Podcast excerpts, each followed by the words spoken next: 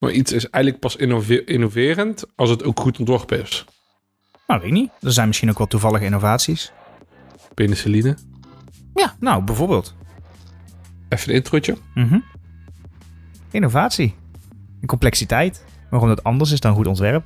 Gaan we het over hebben vandaag. We hebben het al over gehad. Nemen we achteraf op. Ja, klopt. Want eh, we hebben gemerkt dat we daar moesten toevoegen. Ja, klein keukje in, klein keukje in de kijken van de podcastmakers. Ik ben Kevin Hoes In mijn Kromkamp. en dit is de beweegontwerper.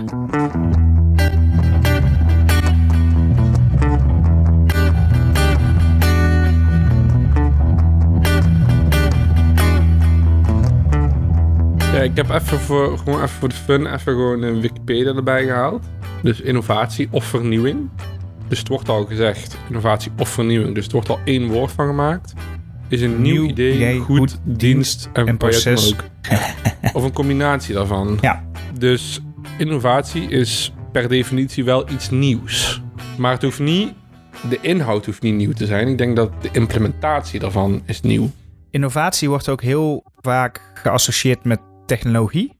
Dus Ja. met smartphones en met, met internet. En Ik denk dat dat ook wel, dat is de innovatie die we het meeste zien en die de meeste impact heeft gehad. Ik bedoel, wij zijn van de generatie die voor het eerst alles heeft meegemaakt, zeg maar, in een technologische revolutie. ja, maar innovatie ken je ook in eh, het sociale domein bijvoorbeeld. Sociale innovatie is gewoon een, een op een andere manier problemen oplossen. En eh, precies wat jij zegt, nieuwe diensten, nieuwe producten.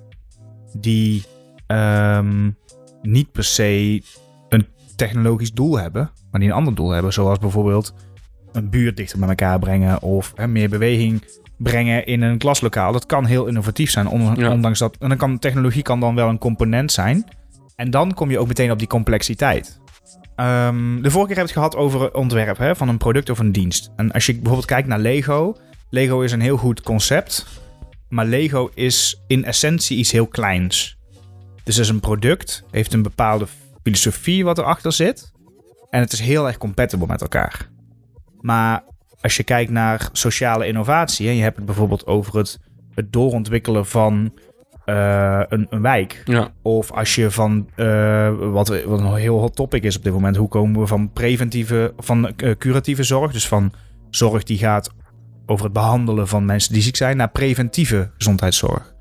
Dat, dat gaat niet meer over één product of één dienst of één organisatie. Dat gaat over veel meer samenhangende delen. En ehm, op zich kunnen dat wel kleine innovaties zijn, maar als je daar echt iets in wil vernieuwen, echt iets in wil verbeteren wat ook duurzaam is, dan is het wel complexer dan maar één product of één dienst aanpassen, af, aanpakken. maar is Lego dan minder innovatief? Of is onze perceptie van innovatie op het moment anders dan toen? Nee, maar Lego is een product. Dus een productinnovatie is misschien wel simpeler. Of was in het verleden misschien ook wel simpeler, omdat heel veel dingen niet bestonden. Ja, En toen Lego gemaakt werd, bestond er niet zoiets als Lego. Maar tegenwoordig bestaat heel veel al. ja, en we zijn natuurlijk als diersoort veel meer connected geworden in de afgelopen 50 jaar. Nou ja, misschien nog wel, eh, nog wel korter. Het wereldwijde web is er eigenlijk pas sinds de jaren 90. Dus dan heb je het over 30 jaar, waarin we eigenlijk komen van Ja, maar ik bedoel ook al, als je kijkt naar internationaal, hè, ik bedoel, ik denk dat 50 jaar geleden begon wel echt de opmars van dat elk huis een auto had. Dus mensen werden mobieler, mensen gingen verder op vakantie. Maar het was ook veel minder ehm, globaal. Hè? Tegenwoordig is globalisering ook wel een enorme trend. Wat, Van supply chains. nou, maar dat maakt ook wel dat je ehm, dat innovaties misschien wel ehm, van nature veel complexer zijn. Eh, een hele mooie film, Mobiel Bellen, eh, door eh, Frans Bromet. Filmpje uit 1998. Leuke eh, documentaire. En daar wordt letterlijk in gezegd: Ja, mobiel, daar heb ik eigenlijk niks aan. Ik heb een antwoordapparaat. En als ze me willen bereiken, dan kunnen ze me eh, thuis bellen. Of een brief schrijven. Ja, Dus in die tijd bestond gewoon de mobiele telefonie amper. En dat is nu niet meer weg te denken. Als je het nu hebt over innovatie en je wil bijvoorbeeld... als ehm, iemand zegt dat hij geen 06-nummer heeft, nog sterker, bijna niemand geeft zijn thuisnummer meer. Nee, maar hoeveel innovaties en hoeveel vernieuwingen zijn tegenwoordig wel niet eh, gestoeld op technologie... zoals WhatsApp-groepen, mobiel internet. Het feit dat we continu toegang hebben tot informatie... wat ook van ons als mensen hele andere dingen van ons vraagt... omdat we Ja. ook die, die scheiding veel eh, bewuster moeten maken. Hè? Wat, wat is goede informatie, wat is minder goede informatie? En ehm, ik denk zeker als je het hebt over ehm, complexe maatschappelijke uitdagingen. Pak nu de Black Lives Matters eh, beweging. Of pak ehm, het onderwijs wat beter moet, volgens sommigen. Eh, pak de CO2-problematiek. dat zijn hele grote thema's. Ehm, en er is niet één oplossing of één ding wat dat gaat eh, veranderen. Dat is misschien wel iets wat het een duwtje geeft in de goede richting. Hè? Een nieuwe innovatie die komt.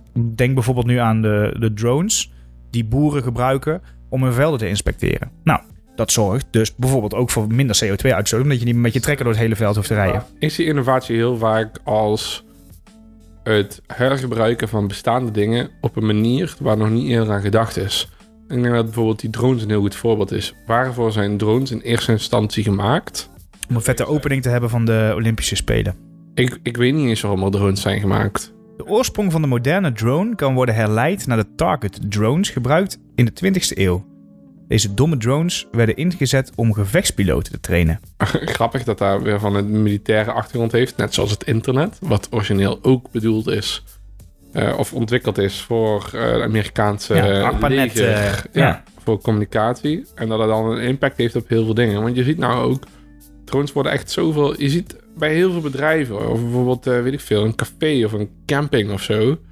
En we hebben die een filmpje van hun locatie van een drone. Je ziet nou heel veel dronefotografie, luchtfotografie.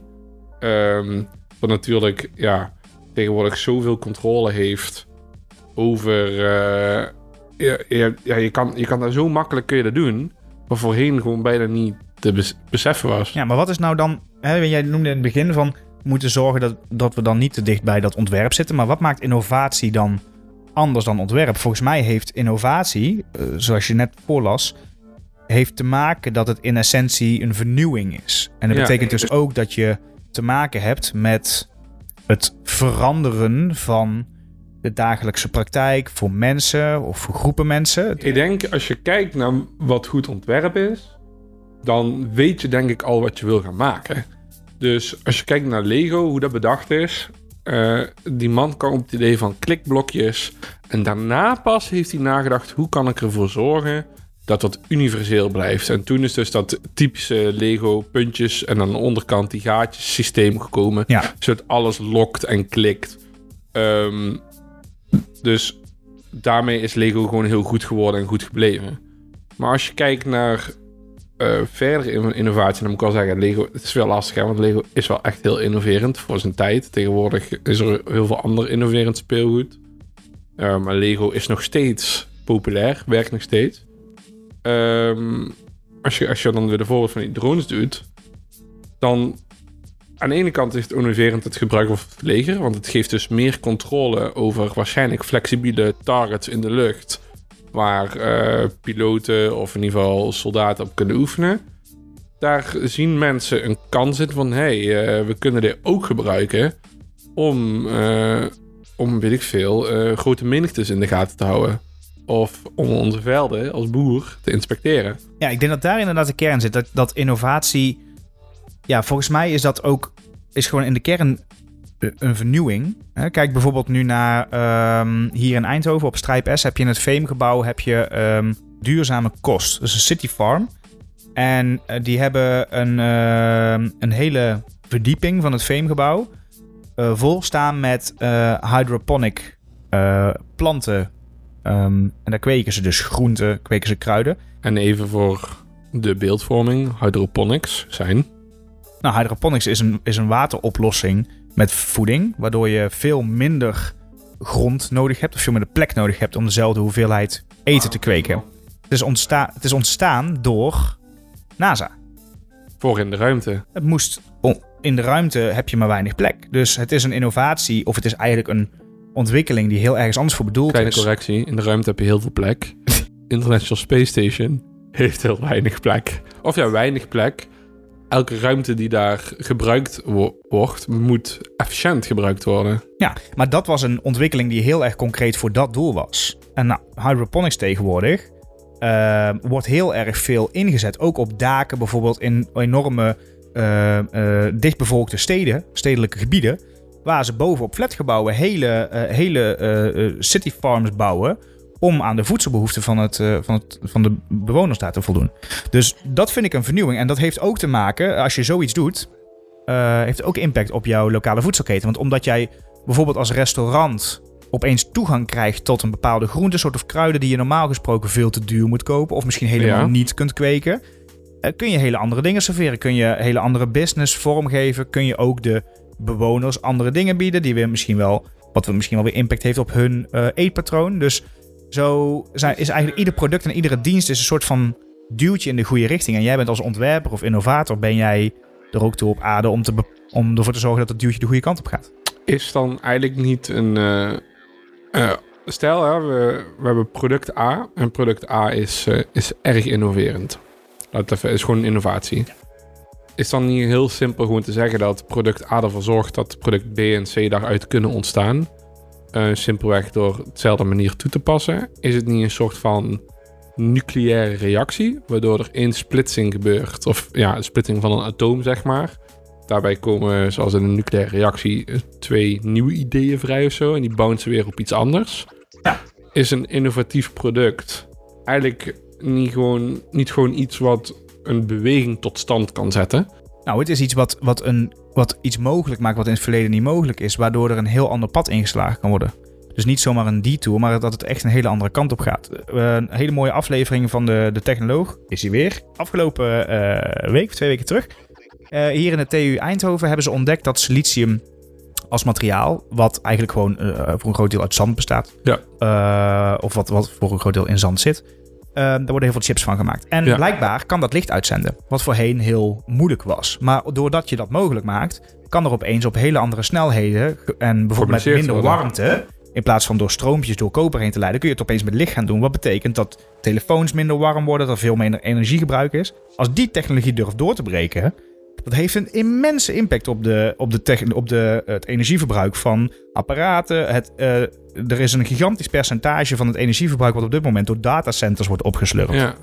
Op het moment dat chips, en dan hebben we het over 10, 20, misschien wel 30 jaar in de toekomst, dat dat echt eh, begint te komen.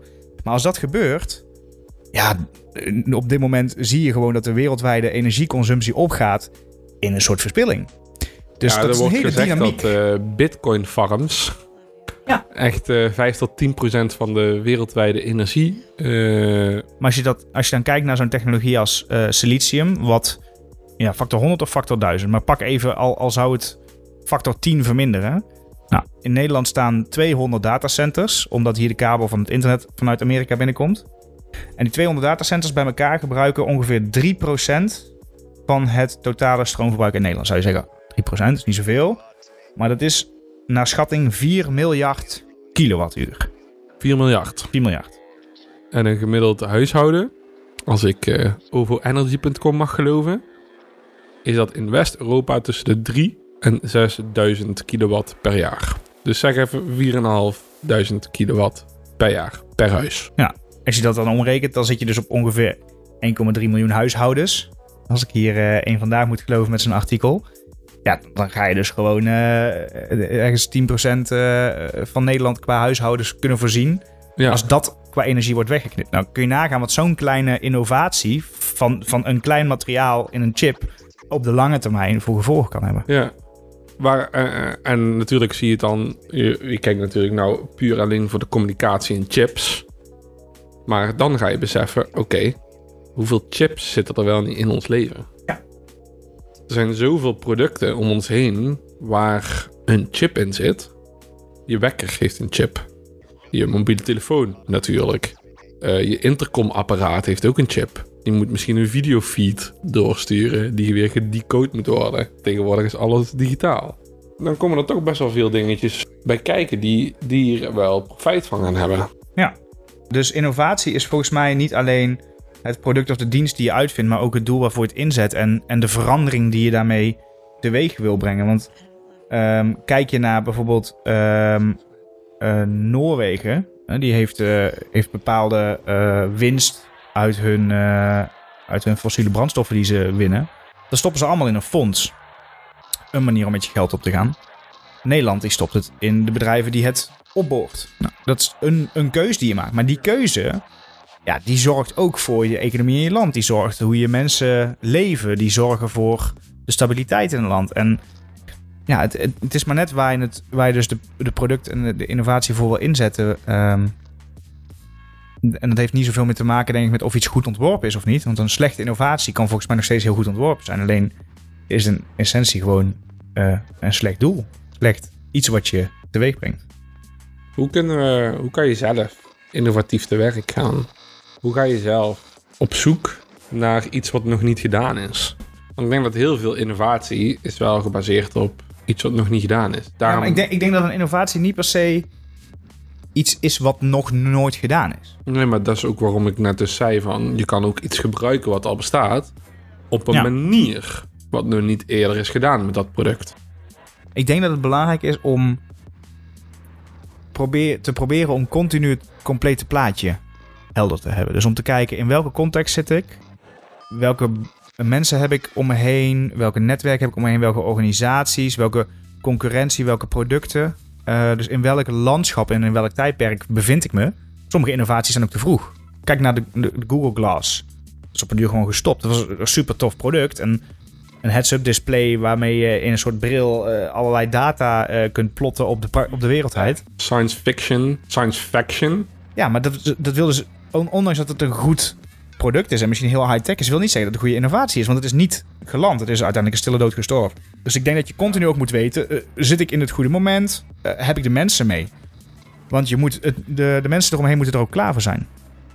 Ja, Iemand noemde het laatst heel mooi last hebben van de remmende voorsprong. Het kan ook gewoon zijn dat je zo hard vooruit rent met je innovatie en je, en je ontwerp, dat het niet landt. En, en daar moet je jezelf denk ik heel bewust van zijn als je goed wil innoveren. En soms betekent het dus ook gewoon even op de pauzestand gaan. En heel even wachten of iets anders doen wat wel in het verlengde ligt daarvan. Eh, nou, misschien even net een stapje minder ver is, waardoor je mensen een beetje warm stoomt en daardoor wel een volgende stap kunt zetten.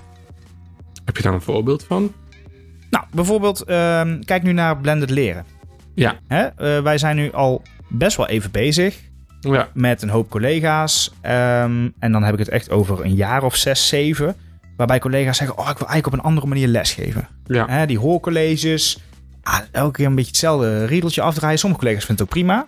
En daar zit ook de kern, denk ik. Zolang er heel veel mensen zijn die het wel prima vinden... zal dat in zo'nzelfde spoor blijven gaan. En dan kun je er best wel iemand tussen hebben zitten die zegt... ik probeer eens een keer iets leuks uit. Maar dat is dan meer uitzondering dan de regel. ja.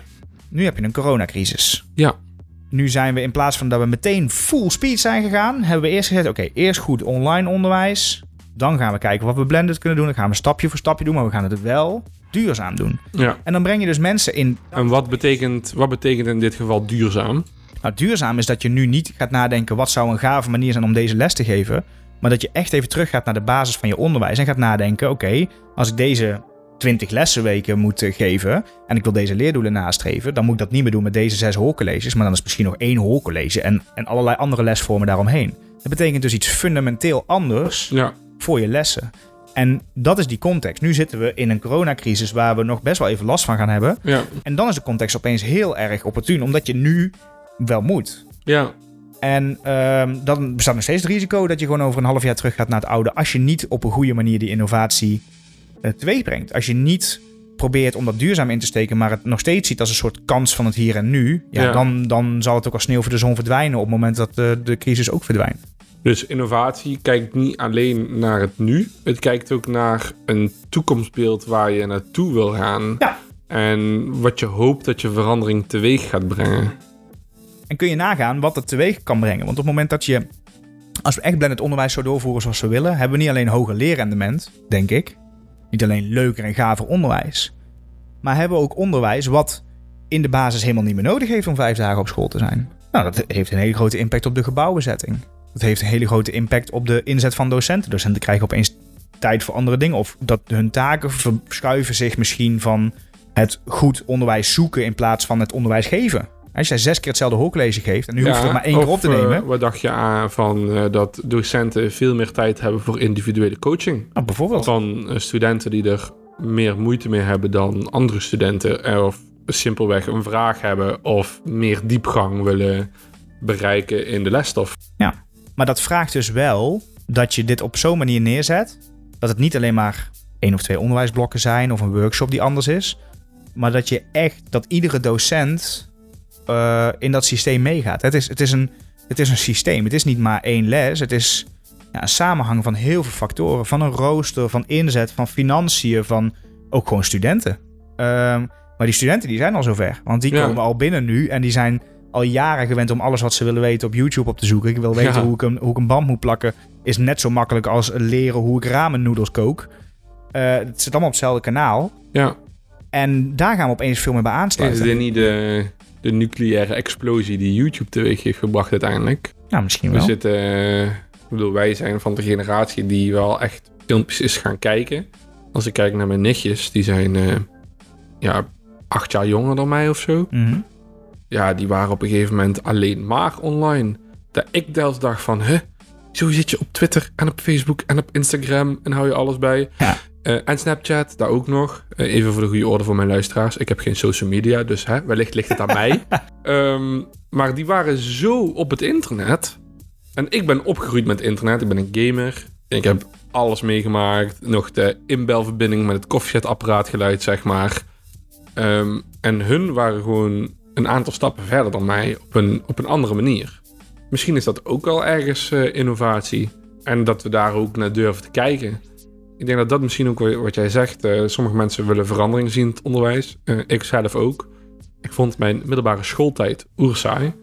Ehm mede omdat het altijd... Je moest er altijd zijn. Je moest het altijd zien. Ehm, je moest verplicht naar school. Ik denk dat er veel meer kansen liggen inderdaad... om onderwijs vorm te geven op een manier waardoor... eh, studenten eh, zelf controle hebben over hun leerproces. En als dat, dat kan waarschijnlijk als dingen niet meer gekoppeld zijn aan een tijdslot op een locatie, maar meer aan een URL eh, die altijd toegankelijk is. Ja, en dat heeft natuurlijk ook het feit dat je op school moet zijn, heeft ook andere doelen dan alleen maar het leren. Het heeft ook Ja, een stukje met pedagogiek te maken. Het heeft een stukje met die persoonsvorming te maken. Maar ik denk dat dat goede doelen zijn om het contactmoment erop te hangen. En niet per se omdat het ook logistiek handig is. Want er worden zat hoorcollege gegeven. Omdat het gewoon handig is om 200 studenten tegelijkertijd ja, dezelfde informatie te geven. En, en ik denk dat dat hele goede ontwikkelingen zijn. Ehm, en ik denk ook dat dat de kern is van informatie of van innovatie. Dat je continu kijkt wat is nu echt nodig en wat willen we echt bereiken. Dus het heeft ook te maken met een visie hebben. ja, maar het is ergens wel komisch dat je het zegt, want uh, hoorcolleges werden al opgenomen. Ja. Werd al gedaan, maar dat was dan in een camera achterin de zaal met een minder goede microfoon hoogstwaarschijnlijk. Met andere woorden, de productiekwaliteit was um, eigenlijk ondermaats. Als je kijkt naar de productiekwaliteit die studenten gewend zijn, namelijk YouTube-filmpjes, waar gewoon echt gewoon studio's zijn professionele producties zijn, ja. Dus het, wacht, het, het, het, um, het medium is hetzelfde. En misschien is hetgeen wat daar gepresenteerd wordt ook hetzelfde. Maar het verhaal eromheen is heel anders. Het wordt niet gebracht als de manier waarop jij je informatie tot je krijgt. Nee, het is de handige manier om terug te kijken als je niet kon aansluiten. Het filmpje is precies hetzelfde, maar het verhaal eromheen is heel anders. En je ziet nou ook dat wij dat ook anders aan het aanpakken zijn op de sporthogeschool. Want ja. we hebben nou officieel ook een kleine studio ja. gemaakt voor dit soort dingen. Ja. En waarom? Aan de ene kant omdat het moet. Aan de andere kant omdat we de kans zien om daar langdurige en gezond onderwijs mee te kunnen gaan geven. Ja. Dat vind ik zelf best wel innovatief. Dat is een interessant vakgebied eigenlijk, hè? Ja, lachen. Leuk. Heb je nog een leuke afsluiter of iets wat je mee wil geven als je hier zo over nadenkt of zo? Of... Innovatie ontstaat denk ik grotendeels door nieuwsgierigheid. Als je niet de vraag stelt van hoe het anders zou kunnen, of als je iets ontdekt, bijvoorbeeld met de penicilline, als je dan niet de vraag stelt, huh, hoezo, of hoe kan dat? Ja, dan houdt het gewoon al op, dat is gewoon klaar. En, uh, en dan, ga ik, dan wil ik even penicilline bijvoorbeeld verder uitleggen. Ja, Alexander Fleming, die, uh, die was uh, bezig met bacteriën en dergelijke. En een van zijn petrischaaltjes, die was na langdurig weggezet te zijn buiten de koelkast. Um, ja, was gewoon helemaal schoon. Er was niks meer aan de hand. En in plaats van dat hij zegt van, oh dat is raar, nou dag, uh, schoonmaken die bakjes. Heeft hij, en er waren nog meer bakjes die wel gewoon vies waren, zeg maar. Heeft hij juist gezocht naar, oh, hoe zou dit kunnen? Waardoor komt dit? En die vraag heeft er uiteindelijk voor gezorgd dat we basically de eerste antibioticum uh, hebben. Weliswaar heeft dat nog wel lang geduurd voordat dat ontwikkeld was, omdat hij op dat moment waarschijnlijk niet in de omgeving zat waarin dat soort dingen geaccepteerd werden. En misschien de labapparatuur had om dat te kunnen ontwikkelen. Maar daarmee is wel het balletje gaan rollen. En daar hebben anderen weer opgepakt. Maar dan noem je wel iets moois. Het gevoel hebben voor, hey, dit is raar.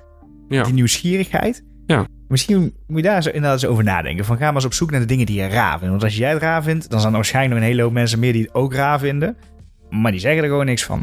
Misschien is het dat wel. Dat je ook gewoon stilstaat bij, dit is raar, wat betekent dit? Ja. En, en wat zou ik hiermee kunnen? Of wat, eh, hoe kan het anders? Nou, ik denk dat een andere kant van eh, raar is ook, hey, dit is vet. Ergens vind je iets vet. Het, heeft, het doet iets. Ja. Het doet iets met je. Eh, en waarom dat dan is, het kan, het kan al heel simpel zijn. Oh, je hebt een vette plaat ontdekt. Ja, waarom? Ja, misschien omdat die, de compositie van de muziek gewoon uniek is. Eh, of het klinkt goed, of er is een mooie samenbalans van tonen. En daar ga je misschien dan zelf toepassen in de muziek die je zelf maakt. Je komt gewoon dingen tegen die je, die je gek vindt. En die vind je of raar gek, of vet gek. Of gewoon... Daar moet je iets mee. Daar wil je iets mee. Het spreekt je aan. Je, Het je het houdt je, het grijpt je, je, Ja, je- het houdt je bezig. Ja. ja. En dan kun je denken... Dan kun je wel denken van... Ja, hoe ga je daarmee om? En, en, en dat- dat- ik denk dat we daar stiekem superveel doen. Dat En ik zeg, ik heb het net over muziek, maar ik heb, ik heb in mijn eigen eh, digitale muziekproducties heb ik elementen. Dan kijk ik gewoon naar metalmuziek, haal ik daar inspiratie uit. Dan kijk ik weer naar de house muziek om daar weer inspiratie uit te halen. En, en, en, en dan knutsel ik wel in elkaar. En dat is niet altijd goed, maar het is wel het experimenteren wat, waar ik van leer. En ik denk dat we dat allemaal doen. En dat is als met eh, de YouTube-filmpjes kijken. Je kijkt die filmpjes ook voor inspiratie. Ja. Kevin, je hebt wel echt een vette baard Lego aan. Het is een baard te gaan. Wat? Het is een baard te gaan. Een agaam? Ja.